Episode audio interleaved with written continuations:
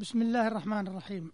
الحمد لله رب العالمين والصلاة والسلام على أشرف الأنبياء والمرسلين نبينا محمد وعلى آله وصحبه أجمعين.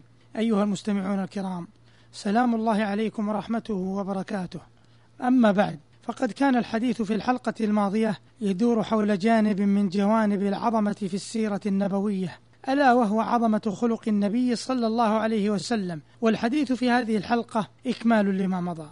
أيها المستمعون الكرام لقد كتب العلماء رحمهم الله في شمائل النبي صلى الله عليه وسلم وأخلاقه فتحدثوا عن حلمه وعفوه ورحمته وشفقته وحيائه وشجاعته وجوده وكرمه وصدقه وبره ووفائه وأمانته وإيثاره وتواضعه ولين جانبه وكرم معشره ونحو ذلك مما بلغ به الذروة في كل خلق كريم.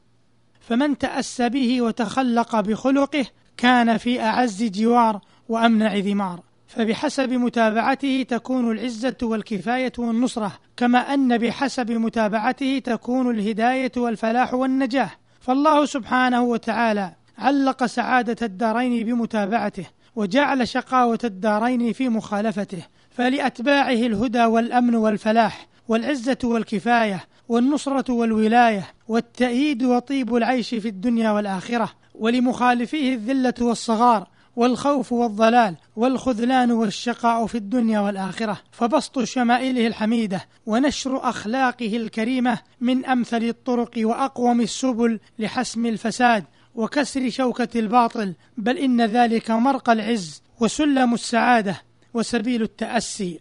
وفيما يلي ذكر لبعض ما رقمته أقلام العلماء في أخلاق النبي عليه الصلاة والسلام.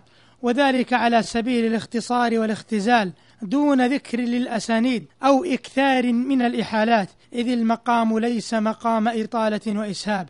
فمما قيل في أخلاقه عليه الصلاة والسلام أنه كان أحلم الناس وأشجع الناس وأعدل الناس وأعف الناس وكان أسخى الناس لا يبيت عنده دينار ولا درهم وإن فضل شيء ولم يجد من يعطيه وفاجأه الليل لم يأو إلى منزله حتى يتبرأ منه إلى من يحتاج إليه وكان لا يأخذ مما آتاه الله إلا قوت عامه فقط وكان ذلك أيسر ما يجد من التمر والشعير ويرضى ذلك في سبيل الله ولا يسأل شيئا إلا أعطاه ثم يعود إلى قوت عامه.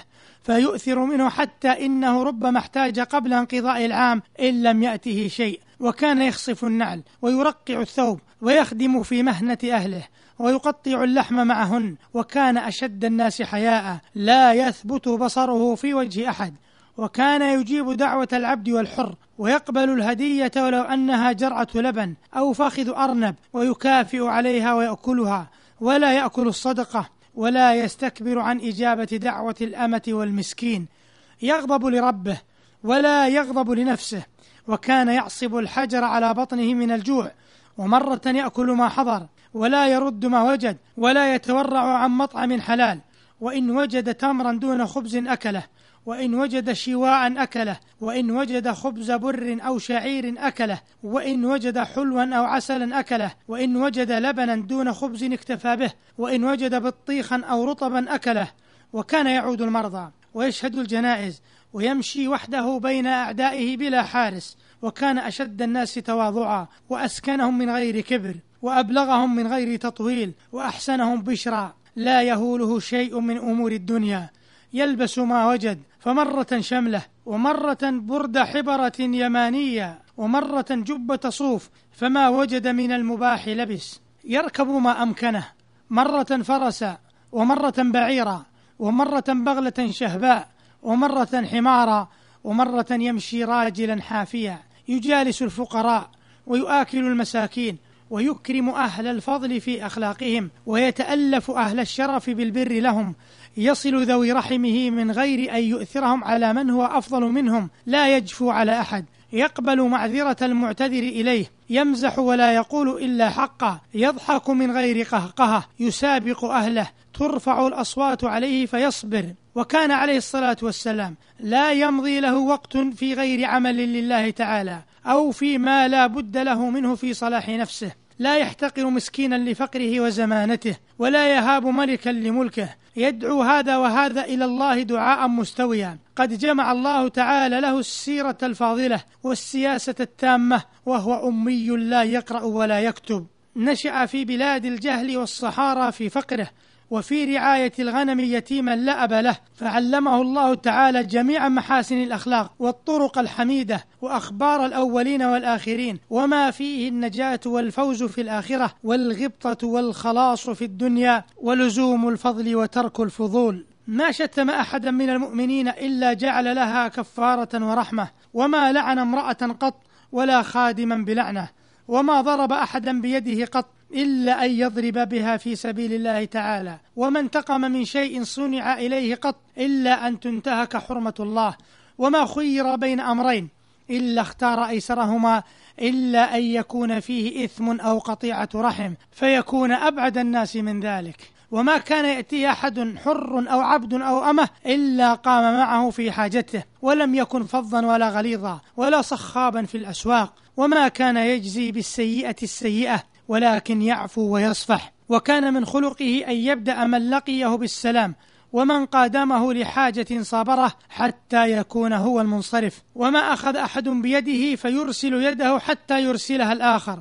وكان إذا لقي أحدا من أصحابه بدأه بالمصافحة ثم أخذ بيده فشابكه ثم شد قبضته عليها. وكان أكثر جلوسه ينصب ساقيه جميعا ويمسك بيده عليهما شبه الحبوة.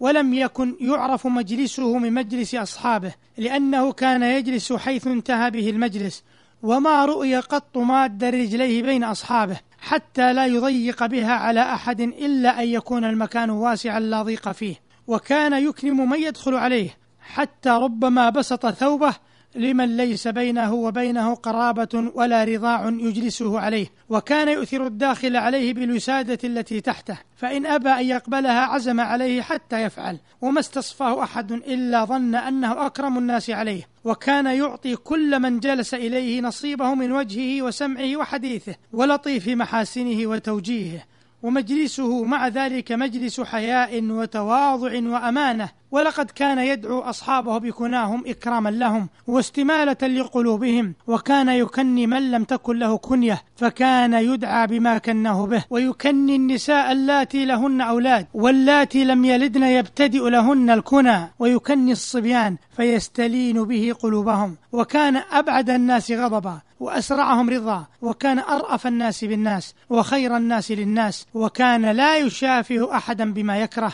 هذه بعض أخلاقه وشمائله رزقنا الله حسن اتباعه والائتساء به والاهتداء بهديه إنه سميع قريب. وصلى الله وسلم على نبينا محمد.